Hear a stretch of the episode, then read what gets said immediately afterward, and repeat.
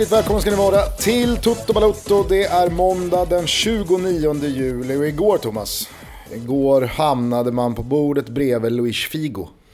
Ja, jag såg det, du skrev det, men det finns fortfarande inget bildbevis så jag har eh, lite svårt att tro det. Ja, men du, du kommer tro det. När jag snart lägger ut bilden på Figo och min flickvän Re Rebecca. Figo är verkligen så här, din generation när du var ung och drömde om att bli fotbollsproffs fortfarande. Eh, han, jag, jag var lite äldre liksom, när han kom ju... fram så att jag, jag har inte riktigt samma eh, alltså jag tyckte Figo var hur jävla bra som helst, det är inte det. Men, men jag förstår att det pirrade mer i dig. Än vad det gjort ja, framförallt så var han ju liksom en spelare som, ja men, tror jag, nådde genom bruset till alla genom sin övergång från Barcelona till Real Madrid. Eh, dittills så, ja, jag kommer ihåg eh, Sol Campbell när han gick från Tottenham till Arsenal, men det var ändå inte riktigt samma grej för mig. Dels i och med att jag ja, men, kanske inte följde Tottenham speciellt eh, noga, i alla fall inte i jämförelse med Real Madrid och Barcelona. Eh, det kändes som en så mycket större grej för att Real och Barcelona var så mycket större antagonister. Nej, precis. Sen så, sen så ska man väl inte jämföra rivaliteter. Jag tror absolut att rivaliteten mellan Tottenham och Arsenal, för många som är inblandade i de lagen, är på men, samma nivå som Real Madrid och Barcelona. Men utifrån så var det ju inte det. Ja, nej men alltså för, för supportrarna spelar det ingen roll om det är Rönninge Salem och IFK Tumba liksom. Eh, jag menar, känner du så pass starkt och det finns en rivalitet, då är det män som är världsnyhet Eh, Eh, så var ju inte Sol Campbells övergång i närheten lika uppmärksammad såklart. Nej. Nej, men sen så blev det den här klassiska grishuvudet när han då eh, kommer tillbaka till Camp Nou nere vid hörnflaggan. Och han var ju en av de första värvningarna då till eh, Galacticos-eran. Och Alltså, just, jag, jag, tyckte också det fanns något jävligt mäktigt med Figo i eh, relationen till Cristiano Ronaldo i landslaget. I och med att Figo var liksom så tydligt den store frälsaren som skulle ge den där titeln till Portugal för första gången. Eh, och sen så kommer Ronaldo upp och han har Figo som stor eh, barndomsidol, båda kommer från Sporting. Och, och, och, så hinner de göra ganska många år tillsammans, men det var så mäktigt med det här eh, men, eh, eleven och mästaren-grejen. Exakt. Det var lite samma sak alltså med, med Zlatan och Henke. Eh, men mm. det var så jävla fint med just Figo och eh, Cristiano Ronaldo. För att ever since så har man ju inte...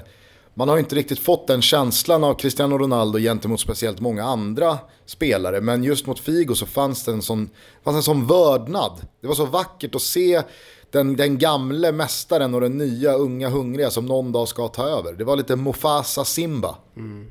Men då måste jag fråga, satt han där och pratade Skelleftemål eller vil, vil, vilket språk var det som ja, men Han var ju där med, med sin fru och eh, vad jag antar då sina tre döttrar. Han har väl tre döttrar på 20, eh, mellan 20 och 15 typ. Ja. Eh, och det var, det, var, det var där jag placerade in de tre yngre. Så jag, jag kan tänka mig att det var, det var hela familjen. Eh, inga andra. Och sen så kommer han gående, går liksom på paralian här i Positano nedanför där jag och Rebecca sitter. Och så sitter jag och Rebban och pratar och så ser jag bara en polisong. Du vet. alltså, det finns ju vissa människor som har så oerhört tydliga kännetecken. Det, det, polisongen liksom... 2019 det är ju Luis Figo och Daniel Rolenklint. Verkligen.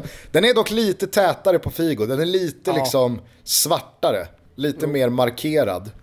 Eh, nej men så, liksom, så, så ser jag bara den där polisongen vridas upp bakom Rebecca i mitt synfält, bakom hennes axel. Så att jag tystnar bara mitt i meningen, fäller ut huvudet och så säger jag bara liksom, det är Figo. Det där är Luis Figo.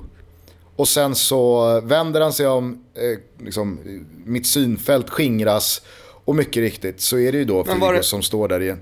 Perfekt var... bränna, backslicket kladdigare än någonsin, polisongerna helt nytrimmade.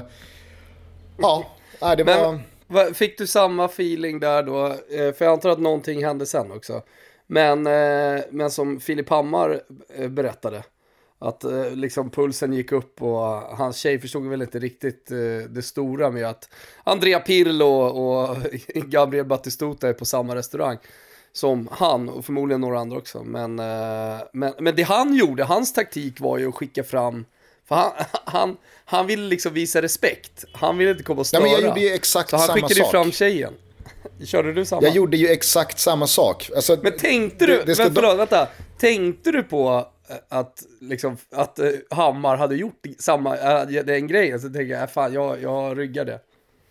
Nej, nej, alltså givetvis så hinner man ju inte tänka på Filip Hammar i ett sånt där läge. Nej, jag Eh, nej, eh, det, det är väl en rimlig fråga. Däremot så ska jag ju säga så att där fanns ju inte dimensionen av, alltså Batis- Batistuta-figuren fanns ju inte. Det hade varit en sak ifall jag då fastnar på Figo och så sitter jag och kollar på honom och så, så, går det, så skickar man fram Rebecca och så ger hon mobilen till eh, Rui Costa. Nej, det är sant. Eller Joao Pinto. Nej, nej, det har du rätt i. Eller eleven, Eh, Ronaldo. Det hade Det hade varit ännu bättre. Det hade varit riktigt Cristiano Ronaldo är sjätte hjulet på familjesemestern Figo. Nej men så att man, man identifierar ju direkt att okej, här finns ingen Rui Costa eller Vitor Bahia eller eh, ja, någon annan gammal portugis. Abel Xavier hade ju varit mäktigt ifall han hade varit, han hade man ju inte missat dock. Han hade man ju sett direkt. Han är ju också en sådär ansiktsbehåring som kännetecken som man kan spotta från 100 meter och veta att det är Abel Xavier, när det där blonderade goatee-skägget. Eh, nej men så att jag, jag ser ju direkt att okej, det är bara Figo och hans familj.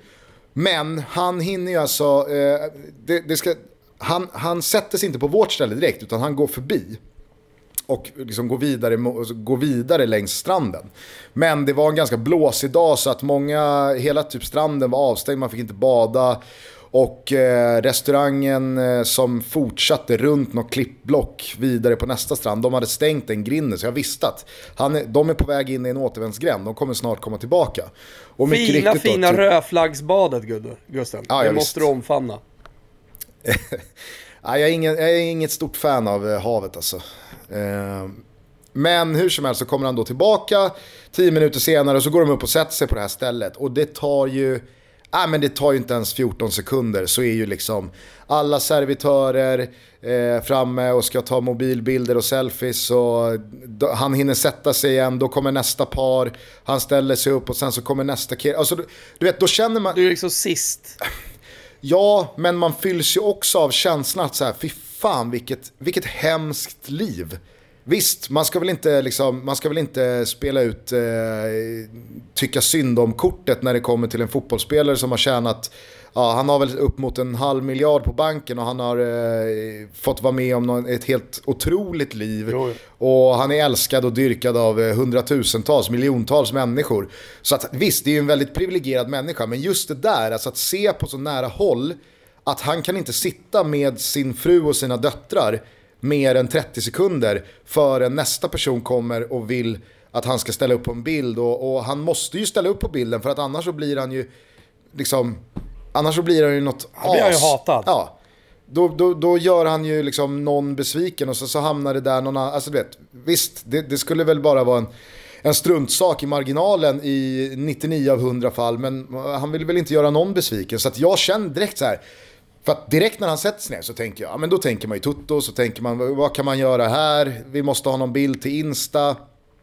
Men det går ju bara en minut, sen har ju fem pers varit framme och dragit i honom. Och då känner man ju som Filip att nej, fan jag, jag, jag, jag får visa respekt här. Jag, jag skiter i att gå fram och liksom be om den här bilden. Eh, men då trycker ju Rebban på och bara nej för helvete, du måste ju ha en bild. Alltså, man ska våga saker och det, det värsta som kan hända är väl att han säger nej. Och vad spelar det för roll? jag liksom? fattar, jag fattar. Så att eh, jag skickade fram, fick, eh, fick bli Rebban då som tog mod till sig. Hon, eh, hon eh, satt ju inte där med något samvetskval. Så att hon gick fram där, bad om bilden. Eh, Figo ställde sig upp, såg ju pinad ut när han ställde sig upp. Sen så på bilden ser han ju ut som ett ultraproffs som tycker att det är världens trevligaste stund. Och så, så fort Men bilden du- är knäppt, ja, då, då slår han ju av det där leendet och så sätter han sig ner och så pinnade Rebban därifrån. Eh, så att nu har vi den här bilden och det kommer Men- ett bevis, den kommer givetvis komma upp på Instagram. Är bilden på Rebban och han? Eller sen kan du ta en bild med min pojkvän? Nej, nej, nej, nej. Utan det är ju på, det är ju på Rebban och Figo. alltså du satt kvar där och liksom jag satt, kvar vid mitt, jag satt kvar vid mitt bord och visade respekt. Men alltså det där du beskriver, hela scenen, eh, de sitter vid ett bord med familjen och sådär, det är ju lite som när, när Tompa rullar in i Norrtälje vet du. Det är inte så stor skillnad. Jag kan, jag kan meddela att det är ganska trevligt med den kärleken, så det är bara att fortsätta komma fram. Ja, eh, det är många som drar i dig. Det är många, jag var, jag var i Södertälje här och kollade på Molly Sandén på, på Stora torget. Och eh, eh då hade vi precis spelat fotbollsträning och så barn och alltihopa. Eh, som man ska ha med sig grejer och det är barnvagnar. Eh, ja men eh, det är alltid lite rörigt. Sommaren är ju en rörig period när man har familj. Det ska mm. du veta om Gusten.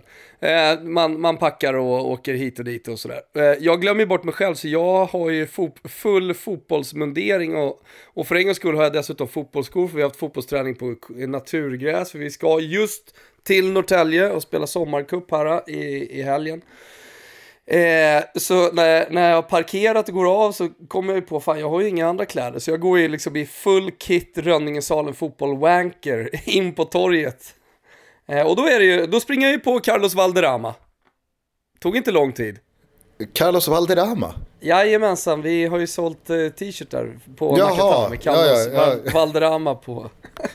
ja, Det hade ju varit något om Car Carlos Valderrama hade varit på Stora Torg i Södertälje och kollat på Molly Sandén. Det hade varit Ja, det hade varit helt sjukt. Det hade varit helt sjukt. Men Rak, han är ju, alltså det har väl säkert eh, många inte missat då, men eh, han har ju eh, slopat barret och plattat det. Du har ja, rak permanenta typ. Eller ja. vad, vad får man säga? Det, det känns ju som att han har dragit en plattång genom hela det där för att få den perfektionen. Ja, det var roligt. Men okej, okay, så det blev bild och den här bilden den ska vi få se.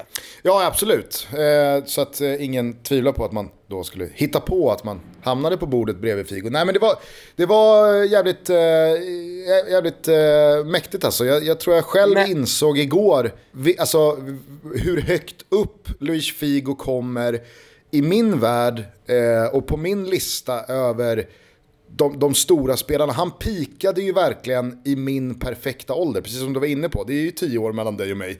Så för dig så var säkert Figo vad, eh, ja, Eden Hazard där för mig idag. Alltså, mm. det är en, det är en, en världsspelare. spelare i Fantasy Premier League. ja, men det är en världsspelare och han är duktig, men jag, skulle, jag tror inte att jag skulle känna samma liksom, eh, pojkaktiga eh, pulspåslag om man hade sett eh, Eden Hazard flanera runt eh, i, i Positano. Men när Figo kommer, helt plötsligt så blev jag 12 år igen. Jag kommer så väl ihåg när jag och min familj var i Barcelona när övergången blev klar, alltså när Figo lämnade Barcelona för Real Madrid och det var det, det största sveket någonsin. Och jag tyckte det var så jävla coolt. Jag hade liksom inte, visst jag hade fastnat lite för Real Madrid, eh, eller jag har alltid varit lite team Real Madrid i, i just den tvekampen. Eh, men då så kände jag så här, fan vad tung han är som gör den här övergången. Och det är inte det att jag liksom, eh, har, en, har en soft spot för svikare eller horungar som någon skrev till mig på Twitter. Ja, det kunde man ju ge sig fan på. Roligt om du hade haft. Ja, men det var ju någon som skrev till mig på Twitter. Ja, det kunde man ju ge sig fan på att du gillade Figo. Han är ju en tvättäkta horunge han också. jävla ja. ton alltså. Kärleken frodas. ja, det är en otrolig ton på Twitter ibland alltså. ja, det är det. Så jävla uncalled for. Vad fan. Ja, okej. Okay. Ja, ja. ja, eh, hur som helst då så, eh, redan då så då går jag och köper en Real Madrid-tröja och sen så i, i butiken så säger jag, jag skulle vilja ha nummer 10 Figo tryckt på den här. Och han eh, som står i butiken och sköter tryckmaskinen, han, han, får ju spelet och liksom, vad är det här för, vad, alltså, är det, är det, är det dolda kameran? Här har liksom, här har vår största, han var väl lagkapten i Barca också va? Ja, enorm liksom. Ja, ja, alltså den, den, den stora, den stora centralfiguren i Barcelona lämnar för Real Madrid och sen så samma dag så står det någon liten 11-årig chip från Sverige och, och ber om att han ska trycka 10 Figo på Real Madrid-tröja i Barcelona. Men eh, nej, det var, det var en fin, eh, en fin stund och eh, som sagt man insåg hur mycket man har värderat Figo när man fick det där pulspåslaget. Vem var Luis Figo för dig då? Nej, men eh, han, framförallt så tänker jag på honom som fotbollsspelare. När han kom fram så var han ju, eh, nu, nu är jag åter där igen, men alltså så här, spelare som på något sätt eh, gav en ny dimension till spelet, alltså som var väldigt unik. Han, hans, hans sätt att eh, röra sig på. Alltså Luis Figo för mig var ju väldigt mycket Luis Figo i Inter också.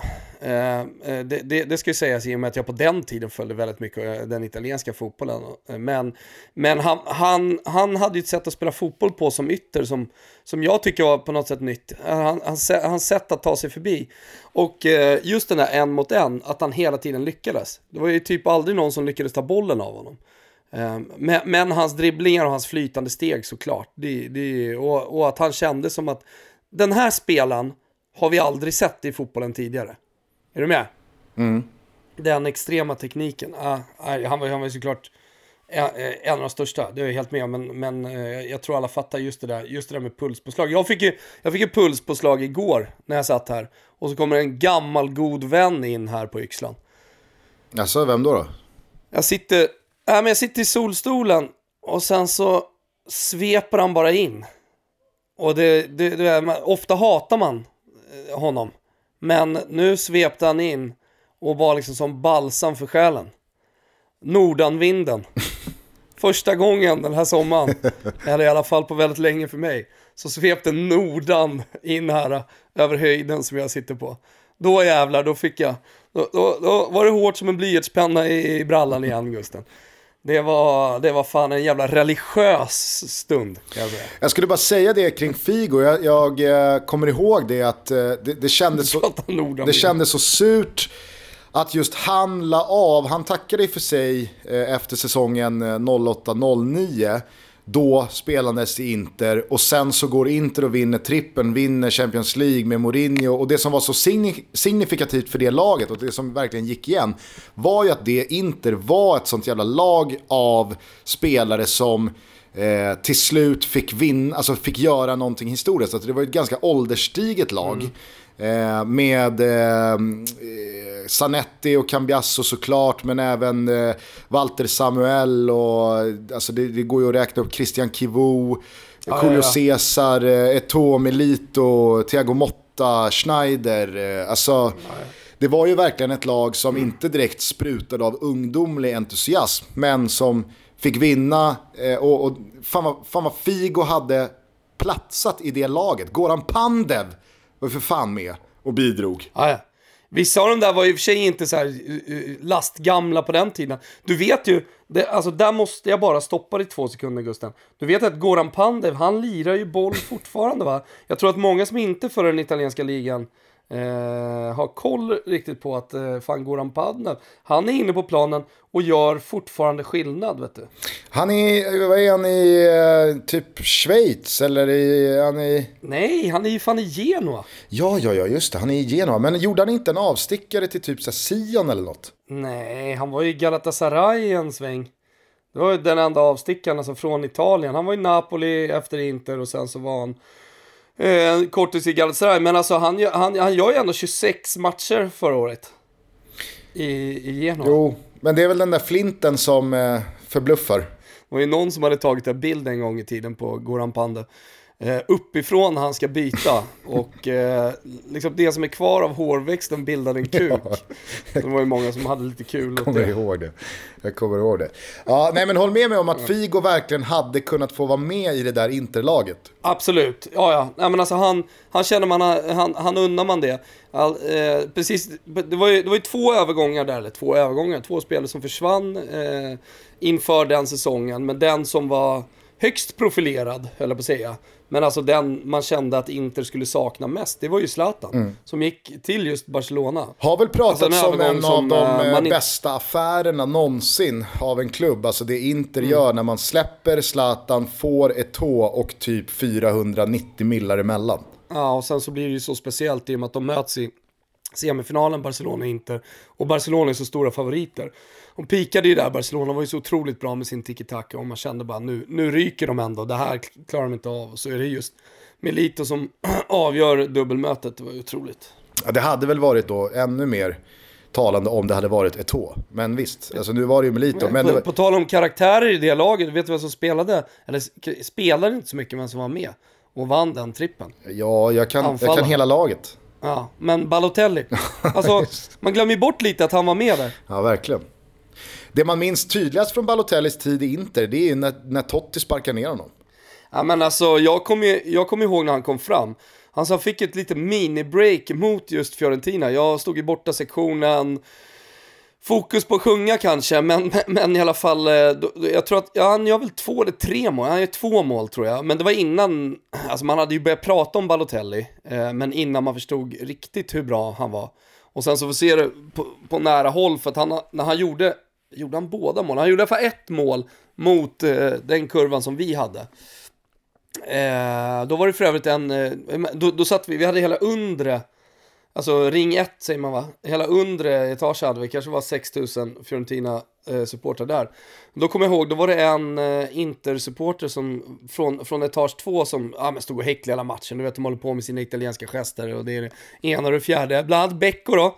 Den här två, två händer upp, Gugge. Ja. Eh, men som, som sen spårar, jag vet inte om man får i sig för många Café Borghetti. Men han ställer sig så och pissar ner på, på, på sektionen under. Liksom. Ja, sympatiskt. Tycker var lite, gå över gränsen. De har ju gått över gränsen på San Siro förut. Ja. Slängt vesper och, och haft så. Fina vespan. På tal om då mm. att kasta in grishuvudet. Då var det ju liksom några år senare så, peak, så toppas ju det när en vespa slängs ner på San Siro. Jaha, hur är läget annars då? Eh, jo, som sagt, det är bra. Alltså, jag, jag sitter i, i solen eh, med eh, nordanvinden som bara liksom eh, har, kommer in, sköljer, sköljer över den. För det, det, har inte gått och, det har inte riktigt gått att eh, fly värmen. Speciellt när man är ute på landet. Det finns inga luftvärmepumpar eller någonting sånt där. Nej. Det är varmt så inåt helvete. Överallt hela tiden. Utan det är ju det är bara att ligga i badet och, och bada. Så det har varit en badsommar. Eh, och helt fantastiskt eh, såklart. en otrolig jävla sommar har vi där. Eh, men, eh, så åkte jag hem bara och lämnade av eh, Stellas polare i, för någon dag sedan. Stannade, stannade kvar hemma och sög i mig all, hela allsvenskan. Ensam nere på bistron, höll jag på att säga. Men, och, och tog en bärs och hade det eh, jävligt härligt. Jävla fin sommar sommar-allsvenskan eh, ju, med stora bortaföljan. Nu var Bayern 5000 va, i, i Eskilstuna. På vägen hem då från Norrtälje här från Yxlan, så, så kom jag i någon slags bayern karavan på väg ner mot, eh, mot Eskilstuna. Det känns jävla fint. Att, att Sverige lever, fotbollssverige lever så jävla hårt och inte minst då på sommaren. Ja, jag, jag håller med dig. Jag tycker att sommarallsvenskan är nästan den finaste delen av allsvenskan just för att så mycket annan fotboll ligger nere och det blir verkligen full fokus på allsvenskan. Jag tycker även superettan eh, blomstrar den här tiden också av samma anledningar. Och, och, och det, det, går ju heller inte att klaga på ja, men så som serien och tabellen utvecklas. Jag tycker att det är vi pratade ju om det med Noah för någon vecka sedan, eh, tio dagar sedan, att eh, det kan bli en väldigt, väldigt intressant eh, allsvensk sista tredjedel. Både i, i, i båda ändarna av, av eh, tabellen och jag tycker ju att Alltså så som det ser ut nu, vi, eh, AIKs rundpall som vi snackade om i senaste avsnittet. Hammarby som har gjort vad då? Är det 15 mål senaste tre matcherna? Och det, det är bara liksom... Nej, jag måste säga att jag... jag tror ju, det var någon som skrev 20 mål på x antal matcher. Eh, och det hade inget lag tidigare gjort. Nej. Nej, jag såg också jag, jag tror att det var... Nu rörde jag mig här till utedasset Gusten, är det okej okay? Ja, knipsa en limpa eller? Ja. ja det, är, det, det är min näst bästa plats. Ja. Här ute på landet. Ja, det förstår jag. Eh, ja, nej men kör på du. Eh, jag tycker att eh, Hammarby verkligen förtjänar en jävla massa lovord och, och eh, ros för den fotbollen man spelar offensivt. Det, det går såklart att peka på att man har mött eh, Falkenberg och man har mött AFC och man har mött ett borta svagt Elfsborg och så vidare och så vidare. Men jag tycker, jag tycker det blir sekundärt när man ser hur Hammarby anfaller med den med den rörelsen, med den kombinationsfotbollen kombinations, eh, liksom, eh, fotbollen man spelar, med den uppfinningsrikedomen som man har i, i olika trängda situationer. Jag tycker att Billborn och, och, och, gänget förtjänar verkligen att man tar av sig hatten och kräddar det, för att de, de ska ha det när de spelar en sån här fotboll alltså. Ja, men också så blir det ju speciellt för att Kjartansson lämnar. Och så har man inte värvat någon ny och man undrar, hur, hur ska det här gå nu? Nu får vi väl se och summera i, i november och allt det där. Men ändå, så får man den här målexplosionen. Ja, samtidigt så är väl det ett klassiskt signum också för ett lag som går väldigt bra. Att du kan flytta på en spelare, du kan få en spelare avstängd, du kan få en spelare skadad. Ersättaren kommer in och är lika bra. Det, det brukar alltid vara liksom det tydligaste Alla vet vad de ska på... göra. Exakt, och jag menar nu har Kacaniklic kommit igång. Eh, han gör ju det där hattricket mot Falkenberg och sen dess så tycker jag faktiskt att han har varit riktigt bra. Visst, du, ja. du, du nämner ju Kartansson här och, och absolut, han har lämnat och ingen ersättare har hämtats in utifrån. Men ett, Kjartansson gjorde det ju faktiskt ganska bra i många av matcherna innan han lämnar. Han avgör ju mot Sundsvall det sista han gör. Eh, så han har ju verkligen varit med och bidragit. Men eh, så som Imad Khalili har kommit in och fyllt hans skor. Djurdjic kommer igång. Jag tycker också att Djurdjic, sen Kjartansson har lämnat, har spelat lite mer Eh, lite mer framskjutet där han ska vara. För det var ju en period mm. i våras där han sjönk ner och, och liksom höll på. Jag vet inte, kommer du ihåg hur Harry Kane höll på i eh, höstas? Exakt. När han då som spjutspets i Tottenham skulle spela sittande mittfältare och vara spelfördelare. Och det var, det var så här, vad fan gör du där? Du ska, vara, mm. du ska vara spjutspetsen, du ska vara i boxen, du ska vara den som inläggen och insticken landar på.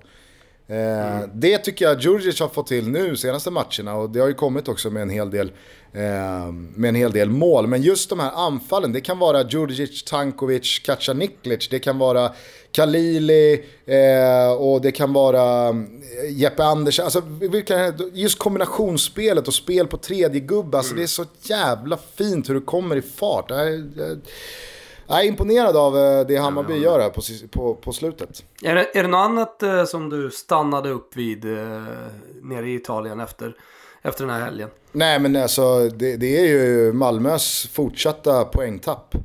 Eh, mm. jag, jag vill minnas Nu var det ju exceptionellt. Jag vet inte om du såg matchen, du har säkert hört om den. Men Ali Keita, för er som inte känner till det så fick Östersund en man utvisad i andra halvleken. Och Malmö har ju redan tryckt på och trycker på ännu mer. Ah, det ska väl sägas att det var en ganska trött första halvlek. Men, men, men känslan i alla fall i andra halvlek att nej men nu kommer Malmö igång. Och så kom den där utvisningen och de bara Ja men mer eller mindre mosar Östersund och Ali Keita Östersunds mål gör ju alltså en sanslös match med några dunderräddningar. Jo, jag har sett highlights-paketet och jag förväntade mig någonting, alltså jag förväntade mig någonting ännu mer efter att ha först läst Uwe Röslers omdöme att så här, han har sin livsdag på jobbet och det är bara att gratulera till en sån insats. Ibland så springer man in i en vägg och en fantom. Och sen så satte jag igång mm. highlights-paketet på Fotbollskanalen och tänkte att ah, ja, nu, nu kommer man få se någonting i hästväg. Alltså, äh, Visst, det är, det är ett par bra, rädd, det är ett par bra räddningar ja. absolut, men det är snarare dåligt av Antonsson eh, i många lägen ja, att inte göra det bättre än att det är Keita som står för Peter Panter-räddningar. Ja, nej men alltså det var ju mer, jag tror att det jag beskriver var ju mer en känsla. Du vet när du kollar på matchen så var känslan att räddningarna var bättre än vad de var så att säga. Ja. Men, eh, men jag, håller, jag håller ju såklart med dig. Alltså, det är en kombination av att ja, ja, han, han, är på rätt plats, han gör, han gör bra räddningar. Men också att de är så jävla tillbakapressade. Mm. Och så får de ändå avslutet. Men sen, sen är det ju såklart, eh, ja, de, de, de ska ju sätta några av de där bollarna Malmö, helt klart. Jo, man har alltså fyra kryss på senaste fem matcherna i Allsvenskan. En seger bara. Och du och jag satt ju med i princip en unison eh, fotbollsnation här i Sverige som följer allsvenskan. Och ropade ut SM-guldet till Malmö eh, under sommaruppehållet när man hade sprintat hem de där avslutande segrarna. Gnaget hade tappat lite mark, eh, Blåvitt hade också stannat av. Djurgården smög med, men jag tror att alla insåg att nej, nu är guldet klart för Malmö, de kan inte sumpa det här. Nu, efter de här alltså, åtta tappade poängen i de här fyra kryssmatcherna, så har ju Malmö bjudit in inte minst AIK och Djurgården, de har en match i handen för ensam serieledning. Bayern har tillåtits smuga med, det är fortfarande några poäng upp, men, men så som de ser ut, som jag var inne på, så tror jag att de utan Europaspel och med, med lite vind i seglerna och säkert någon ytterligare eh, spelare som kommer in här i fönstret kan nog få för sig att vad fan, nu kör vi, vi kan slå alla lag. Så gör vi, gör, kan vi göra tre mål,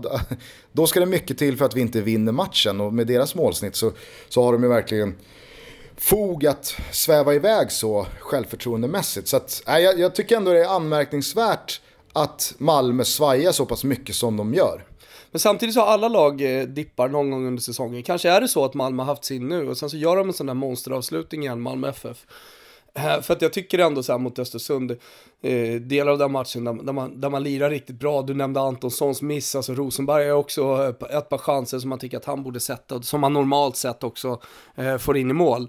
Så, så att det, det, det, finns väl en, alltså jag vet inte, det känns som att Malmö kommer retroaktivt ta igen det där. Så kanske det blir sex, sex poängs skillnad ändå i slutändan, jag vet inte.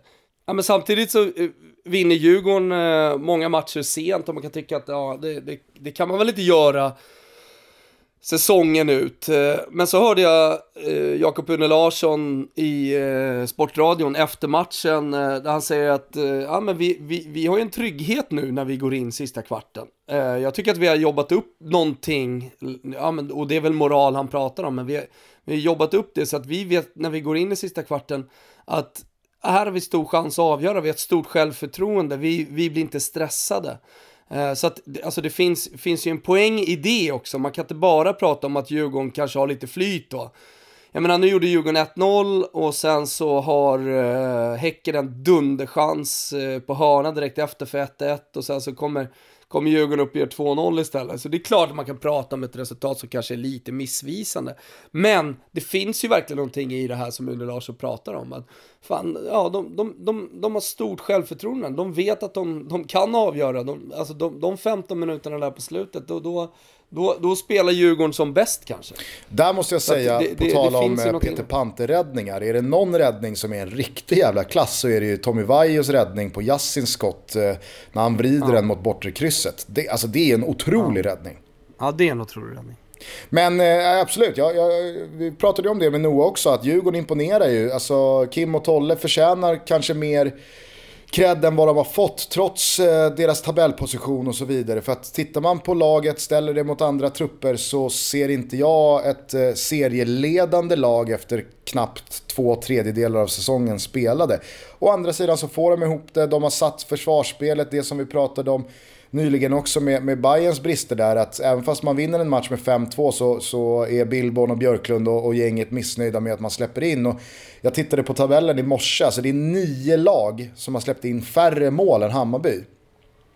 Och det är väl klart att eh, det är väl klart att eh, det funkar ju så länge man gör 3, 4, 5 kassar per match. Men jag, jag, tror ju, precis som många andra såklart också, på att det är laget ja. som släpper in få mål. Det är, ju en, det är ju en egenskap för ett lag som kommer bära längre än att man kan lita på att man ska göra fyra kassar varje match. Det är såklart att det kommer ja. sina för Bayern Och då är det försvarsspelet man behöver luta sig mot. Där är ju Djurgården precis som AIK, ett lag som den här säsongen har kunnat luta sig på att ja, vi släpper nog in max ett mål. Förmodligen håller vi nollan på hemmaplan och då räcker det med det där sena avgörandet. Och då, då kan jag förstå att Une Larsson och andra spelare i Djurgården verkligen landar i en trygghetskänsla att vi, gör vi bara jobbet som vi ska defensivt så kommer vi få vår chans och då kommer vi ha läge att ta alla tre poängen även fast det inte forsar och flödar offensivt och vi radar Nej, upp målchanser och vi behöver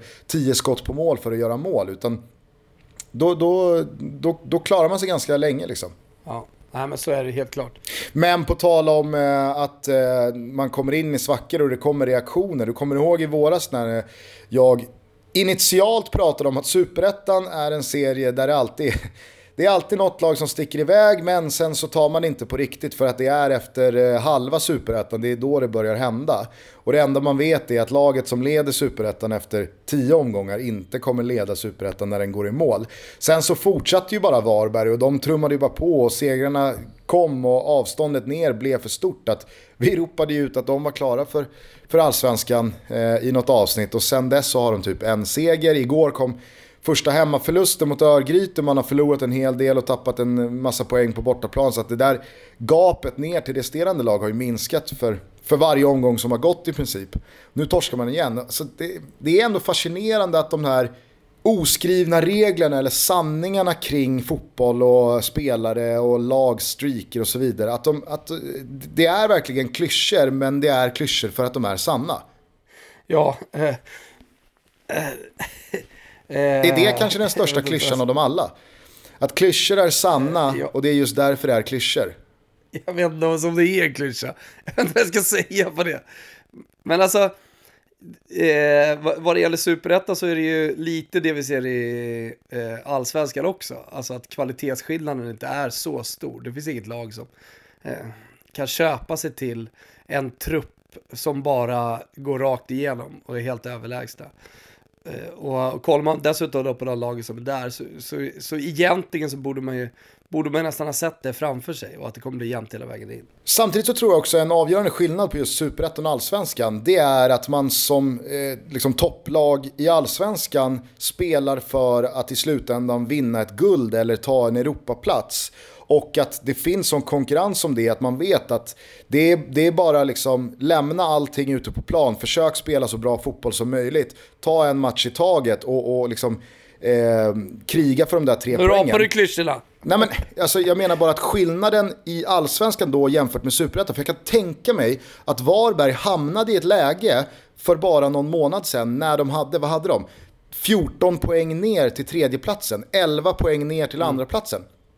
Då blir det snarare nu sumpar vi inte det här. Nu handlar det bara om att eh, eh, inte förlora. Nu, nu, eh, kan vi, nu kan vi ha ett helt annat poängsnitt i mål och vi kommer fortfarande lösa det. Alltså superettan är ju en tabelltopp där det inte spelar någon roll om du kommer ett eller tvåa. Det är en uppflyttning det handlar om. Det är ingen som kommer liksom... Visst, Dessutom, för, för Varberg så är det nog skillnad på att ta sig upp i allsvenskan jämfört med Helsingborg eller Bayern eller vilka det nu är som har åkt ner och ska upp igen.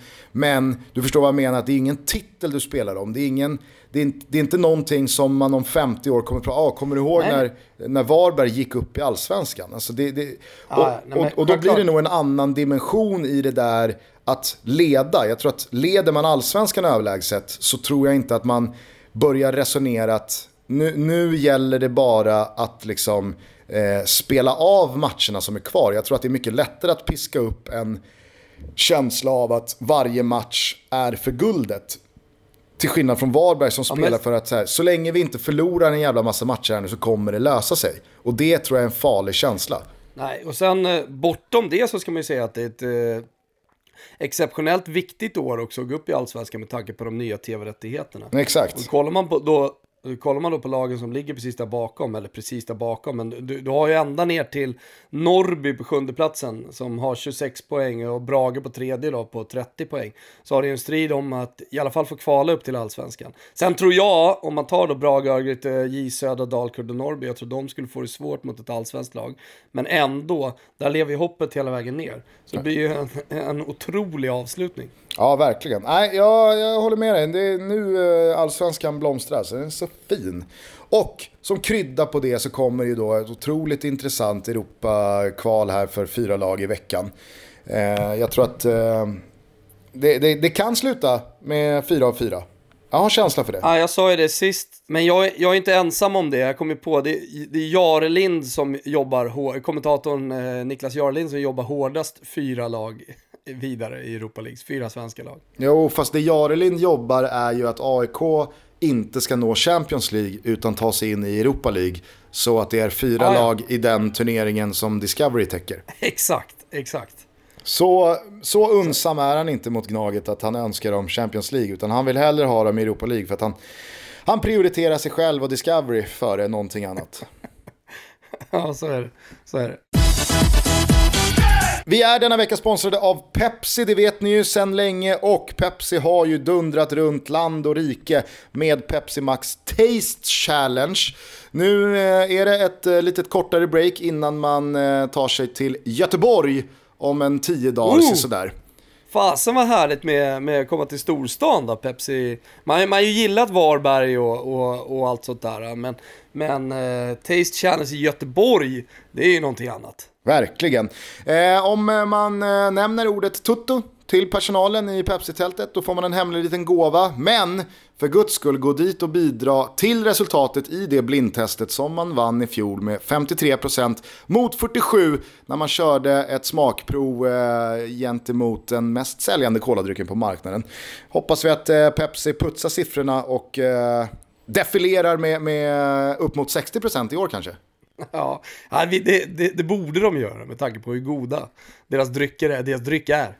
Vi säger i alla fall stort tack till Pepsi för att ni är med och möjliggör Toto Balutto. Nu är det inte många dagar kvar, Thomas, på tävlingen som vi kör tillsammans med våra vänner på Strive. Vi tävlar ut en resa, boende och matchbiljetter tillsammans med dig och mig i San Sebastian under hösten för att gå och se Alexander Isak spela La Liga-fotboll med sitt Real Sociedad. Och som han har inlett eh, försäsongen och träningsmatcherna. Nej, men han har fått den bästa möjliga starten och går mot eh, ligadebut som eh, ja, men, dunderstartspelare. Han verkar vara i otrolig form dessutom. I september så har vi dessutom EM-kval, eh, väldigt viktiga matcher där jag tror att Alexander Isak bara kommer få mer och mer speltid. Alltså vi går emot, jag tror att det vi kommer minnas som någon slags här, eh, riktig break-säsong, för att det är första gången han spelar i topp 5-liga. Eh, för jag räknade inte riktigt Dortmund-tiden i och med att han ja, eh, mestadels satt, spelade med juniorerna. Eh, så, så fan, ja, häftigt är det med Alexander Isak. Man har inte du pratade om pulspåslag tidigare när du mötte Luis Figo, men, men man har inte riktigt haft samma pulspåslag kring en svensk spelare sen, sen eh, Zlatan kom fram. Eh, och jag jämför honom inte nu med Zlatan, även om de älskar att göra det där nere i Spanien. Det vet du Gusten. Ja, ja, ja. Det var ju någon som hade tryckt, eh, var ju någon som hade tryckt en tröja, en Real Sociedad-tröja, där det stod Isak Imovic till exempel på. Um, så, så, så ja, det funkar sådär va, det gör det Men man måste ändå älska det. Men, men eh, han går mot en otrolig säsong. Och detta, den här eh, historiska säsongen som vi tror att det kommer bli, den ser man bara på Strive. Och det kostar bara 79 kronor i månaden. Då får man dessutom eh, International Champions Cup, man får Serie A, man får Zlatan Ibrahimovic får man också i MLS. Eh, och eh, som sagt, återigen, jag poängterar, 79 spänn i månaden. Det är fan knappt så man kan gå på Donken och käka för, för, för så lite pengar. Och tävlingen är alltså öppen i bara tre dagar till. Man ska vara en betalande Strive-abonnent. Man ska motivera på sociala medier varför man ska vinna tillsammans med en vän. Och man ska hashtagga StriveTutto. Det är de simpla reglerna, så att, eh, kör på här nu innan vi stänger ner tävlingen sista juli. Stort tack till Strive för att ni är med och möjliggör Toto Balutto. Stort tack! Det har ju varit eh, en följetong detta sommar, Tutto, att prata om lite transferföljetänger. Nu senast så var det mm. ju Gareth Bale som eh, jag i alla fall uppfattade var klar för den här kinesiska klubben.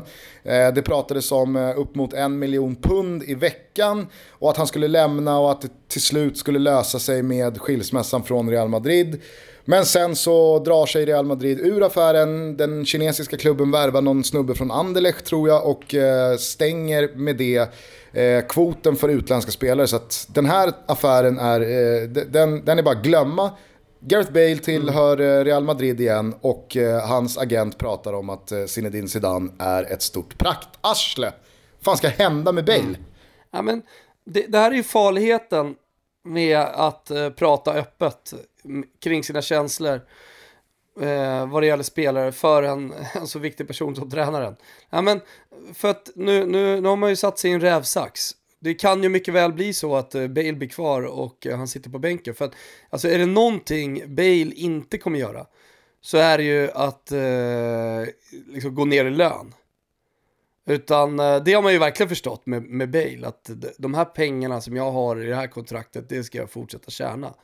Eh, och han sitter ju i en liksom, dröm, eller han sitter, han sitter i en U, det är det som är så jävla, eh, liksom, eh, märklig. För han sitter i en usel sportslig situation just nu. Ja. Där han mer eller mindre är i en frysbox.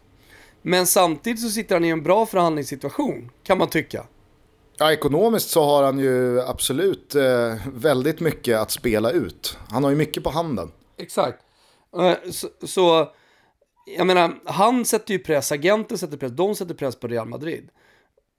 Samtidigt som Real Madrid inte kan göra så jävla mycket för att det måste ju komma en klubb med, alltså av, eh, ja, extremt, eh, liksom med extremt stor plånbok. Så jag vet inte fan.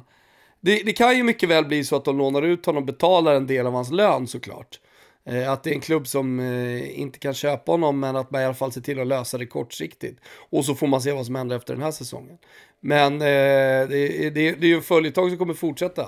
Ja, och samtidigt så börjar det bli ganska många spelare där ute, alltså på den yttersta nivån, de allra största namnen, som inte ser ut att flytta på sig, alltså, som kanske rent av blir kvar. Jag läste i morse att nu börjar PSG och Tuchel preppa för att Neymar ska spela i eh, första ligamatchen. Ja. Eh, han har inte lämnat och han eh, har kontrakt och eh, jag menar Barca har värvat Griezmann och så vidare. Så att, alltså så här, löser det sig inte, ja men då löser det sig inte. Då kan man ju inte sätta Neymar på läktaren hur länge som helst. Utan då, det, då, får, man ju börja, då får man ju börja agera som att okej, okay, han är vår spelare och det är Neymar. Så det är klart att vi ska spela honom.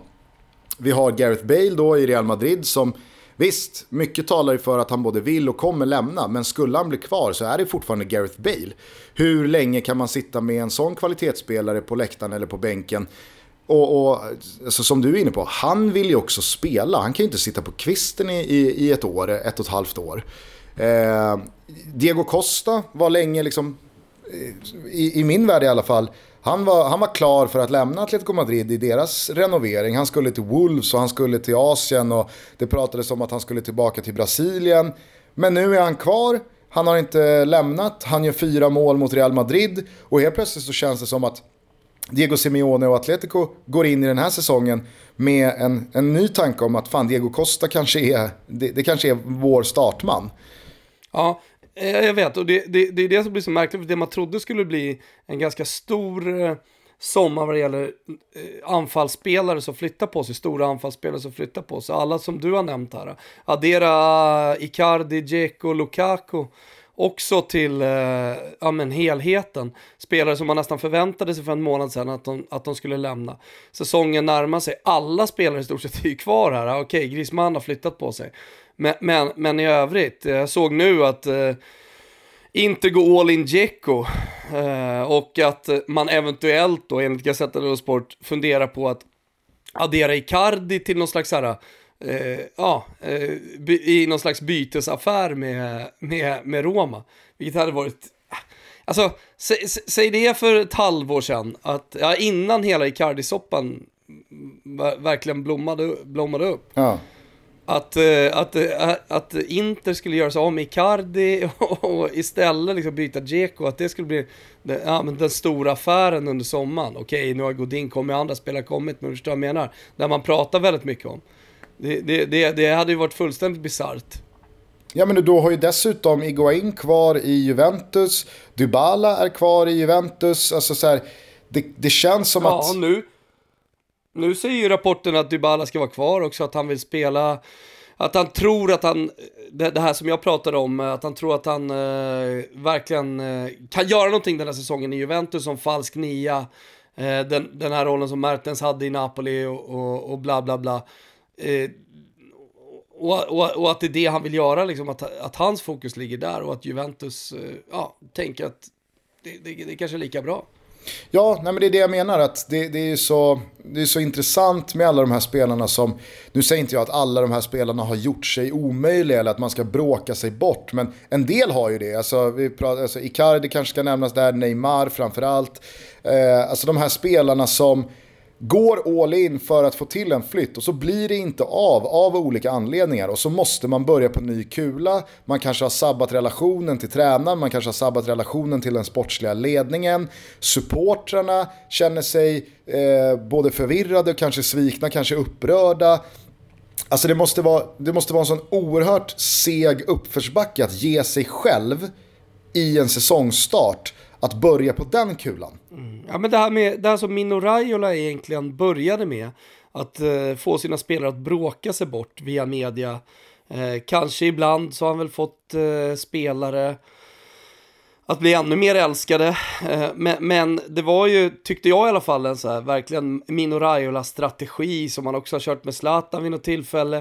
Eh, att, att, att, att det har pikat, att det inte funkar längre. Det går inte att eh, bråka sig bort för att du, du, du sätts i en um, ja, men dålig funny situation för att alla inblandade och alla, alla eventuella intressenter vet om att, att eh, både klubb och spelare vill få bort.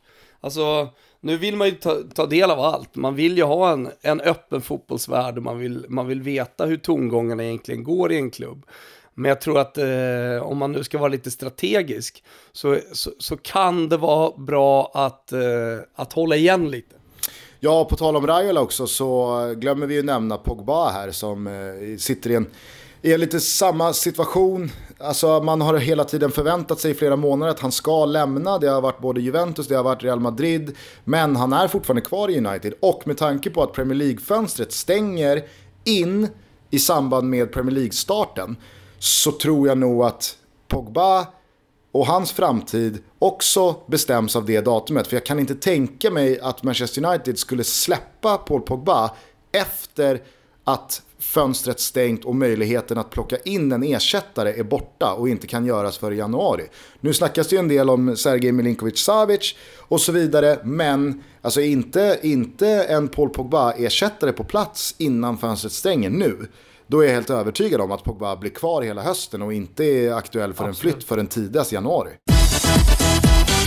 Hörru du, eh, vi kanske ska börja runda av Tompa, eller vad säger du? Jajamensan, jag ska sätta mig här med min gamla goda vän som kommer från norr och mysa bara hela dagen. Ska vi kanske avsluta avsnittet med eh, någonting för dig högst uppseendeväckande och eh, stort kanske? Ja, det tycker jag. Ja, men det är ju då Theo Crew Ferrer från eh, Rönninge. Han gjorde ju succé i Fortnite-VM, har jag läst här på Expressen, högst upp på sportsidan. Han eh, hamnade sexa i singeltävlingarna genom en bragdartad insats borta i New York. Och eh, för besväret så vann Theo sex millar. nu har Rönninge fått en ny stjärna på himlen. Helvete, då, då, då, då petas man ner från täppan. nu, eh... Annars är ju Annars är ju Sara Sjöström eh, från Rönninge. Det står ju på hennes Wikipedia-sida och sånt. Det, det, man, eh, det man inte eh, får med sig det är ju att hon flyttade från Rönninge när hon var två år tror jag. Då flyttade hon ut till Haninge. Eh, men eh, annars är ju, ja men det, Sara Sjöström, hon har ju gått ganska bra har jag förstått i sin VM. Ja, ja men jag tänker att eh. Alexis Ferrer kanske är någon du känner. Det är pappan då, till Theo. Alltså vad var det ens för sport? Jag hörde inte. Fortnite. Du vet... Eh, Fortnite? Data, tv-spel. Jag vet inte ens om det är data eller tv-spel. Det är väl dataspel? Nej, alltså, ja, Fortnite kan du köra på, alltså det, det är ett klassiskt Eh, så det är, det är Fortnite och det är CS och det är PubG och, och allt vad det heter nu för tiden. Eh, men, eh, ja ja, så, jaha, så, så att Sveriges bästa, världens bästa Fortnite-spelare kommer alltså för Alexis Ferrer. Nej, Alex, vet, Alexis det, det är Ferrer är pappan till Theo. Ah, så jag tänker om du kanske då känner Alexis Ferrer. Han såg matcherna på projektor hemma i Rönninge och berättade för Expressen här att hela orten har hejat på Theo. Dogge Doggelito har hjälpt till att stötta honom bland annat. Så att jag undrar lite, var är alltså, eh, Tompa Wilbachers stöd till Theo under, under VM-tävlingarna? Ah, det, det börjar ju nu. Alltså jag hakar ju på hypen nu, men det är roligt att du nämner Dogge Doggelito, för han var ju i Rönninge på glassbaren och spelade. Eh, bejublat eh, intåg i Rönningen såklart. Det är roligt att han stödde Alexis också. Eh, och sen i alla fall efter att eh, Dogge har spelat eh, så lägger han upp en bild där han tackar då Rönninge och alla som har tagit sig till glassbilden. Och den här bilden den är då på min pappa och Dogge. Så jävla mäktig. Jag såg bilden på Dogge och Jonny och, och kände bara så här, vad, vad är nu detta? All respekt för Jonny, men vad har Dogge sjunkit till för nivåer? ja, men eh, det, det är ju lite som, eh, eh, vad ska jag säga, alltså det, det, är lite som Molly Sandén på Piazzan i Södertälje. Alltså kommunerna måste ju ge folket någonting på sommaren va. De som är hemma, att det händer, att det händer någonting. Så att jag tror att de betalar jävligt bra. Jag skulle kunna tänka mig det. Och den största scenen i Rönninge, om man inte är inomhus på Murgrönan då förstås, uppe i Salem, eh, så, så, är det då den här eh, nybyggda glassbaren. Men det var bara så jävla roligt att farsan står där i, i Toto Balutto-tröja. Eh, Dogge frågar ju såklart vad Toto Balutto är, men eh, han hade aldrig lyssnat på oss. Samtidigt så eh, känns det som att när Dogge får nys om att det är Sveriges största sportpodd, då, då kan det nog komma ett mail. Kan man uh, gästa ett avsnitt? det skulle inte förvåna mig. Kanske blir det så då i slutändan att, det, att vi, vi, hamnar i samma team som Dogge i Fångarna på fortet 2020. Ja, vi måste ju säga det, vi pratade ju för några veckor sedan om eh, Adil Rami och att han hade varit med i eh, franska Fångarna på fortet, skippat en träning och så vidare. Och sen så spann vi vidare och undrade då vem som har varit med i flest eh, Fångarna på fortet avsnitt i Sverige. Nu var det ju många eh, lyssnare som hjälpte oss med det här. Tack till alla er, ni är underbara. Eh, men man är ju samtidigt då lite besviken på sig själv att man inte, att man inte kläckte att det givetvis var då Dogge och Anna Bok. Ja ja, det är faktiskt för dåligt. Det är det första, egentligen de två första namnen som poppar upp ju. Ja, ja, ja men du, eh, du får eh, hälsa Theo då och eh, Alexis ifall du springer in i de nyrika nere på bistron eller hos Bamse. Det ska jag absolut göra, Gusten. 700 000 dollar har de på fickan numera. Oj, oj, oj. Eh, innan vi avslutar så är jag bara nyfiken. Jag såg eh, i natt här, eller nyligen, att eh, Milan spelade mot Benfica. Eh, torskade. Men jag såg också att eh, Maldinis son, Daniele va? Ja. Eh, hoppade in. Han spelade väl också några minuter mot Bayern München också sådär. Men jag fick inte fram via Flashscore-appen vilket nummer Maldini spelar i. Är det trean? Eh, nej, det tror jag faktiskt inte. Utan han har fått något random, högt random nummer, tror jag. Nu, nu, nu ska jag inte säga att det, att det är så, men jag, men jag för mig det. Och då undrar man ju såklart, så att... varför i helvete då? Ja, men, ja, de pratar ju väldigt mycket om att det är tufft att vara son och komma fram, det är så mycket press, alla känner till en. Och, och att man då undviker ytterligare press genom att komma in med samma nummer på tröjan va? Absolut, samtidigt så har de ju pensionerat och öronmärkt trean för Daniele i så många år här nu. Att när han faktiskt jo. lyckas nå A-laget, för jag är helt övertygad om att Daniele Maldini inte är en del av Milans A-lag för att det är Paolo Maldinis son, utan för att han faktiskt har där att göra kvalitetsmässigt. Det kunde man ju inte veta för 10 år sedan eller 12 år sedan, eller när det nu var man bestämde att trean ska vara Maldinis son får spela i och så vidare. Så att, att han faktiskt ja. har lyckats med bedriften att ja. nå Milans A-lag, ja men ge honom trean då, annars är ju allt det här förgäves. Ja, Ja men nu spekulerar vi utan att veta Gustav. Det är möjligt att han hoppar in med trean. ja det är ju segt i och för sig. ja, jag, jag gick bara på dig som sa att han, jag, jag, du tror att han har ett högre nummer. Jag har för mig det bara. Ja, ja. Det. Vi kan väl då ta hjälp av alla våra fantastiska lyssnare ännu en gång som då antingen kan slå oss på fingrarna eller eh, tillrättavisa oss med vad det faktiskt är som gäller. Det tycker vi är så härligt. Hörni, vi hörs igen snart. Till helgen kommer en ny Toto-trippel borta hos Betsson. Du och jag ska också i dagarna knåpa ihop lite långtidsspecialare till Premier League-starten, eller hur? Ja, men det stämmer och det är många som frågar hur blir det med de här specialavsnitten inför ligorna när vi verkligen går på djupet? Jo, men de kommer. Först ut blir Jesper Hoffman där vi ska gå igenom eh, Premier League och eh, jag vet inte, kanske även toucha fantasyn eftersom det är så många som spelar det och Hoffman är ju som bekant oraklet. Så att eh, det blir en intensiv jävla augusti. Vi har eh, gäster som, eh, förutom de här då, eh, som eh, står på tur och, och komma in. Eh, och en jävligt rolig höst att se fram emot. Som ni som känner att nordanvinden kommer in och är lite jobbig. Ni känner att kanske sommaren och semestern är på väg att ta slut och man ska in i lunket igen. Äh men var inte ledsna, Toto Balotto rullar på och det är en jävla fotbollssäsong vi har att se fram emot. Yes, och alla de här eh, långtidsspelen kommer ni såklart hitta borta hos Betsson, våra polare som är så, är så fina. De är med och möjliggör Toto Balotto hela hösten. Det känns extra roligt. Eh, kram på dig Tompa, snart ses vi igen. Snart ses vi igen, det ska bli mycket trevligt att sitta i studion. Du eh, hälsar Rebban eh, så mycket och så får vi se om du springer på någon mer kändis. Du är ju i kändistäta områden. Ja, det är, den som lever får se va. Hälsa tjejerna. Ha det bra. Ciao tutti. Ciao tutti. Ni har sett mig förr, men ni minns ej när Kanske var det när ni sög den här Skämt åsido, så kanske ni minns Att jag är medlem i The Latin Kings. Så se då till och hänga med. Det fattas bara att räkna till tre. Ett och två, ett och två, ett och två Resultatet, det blir tre!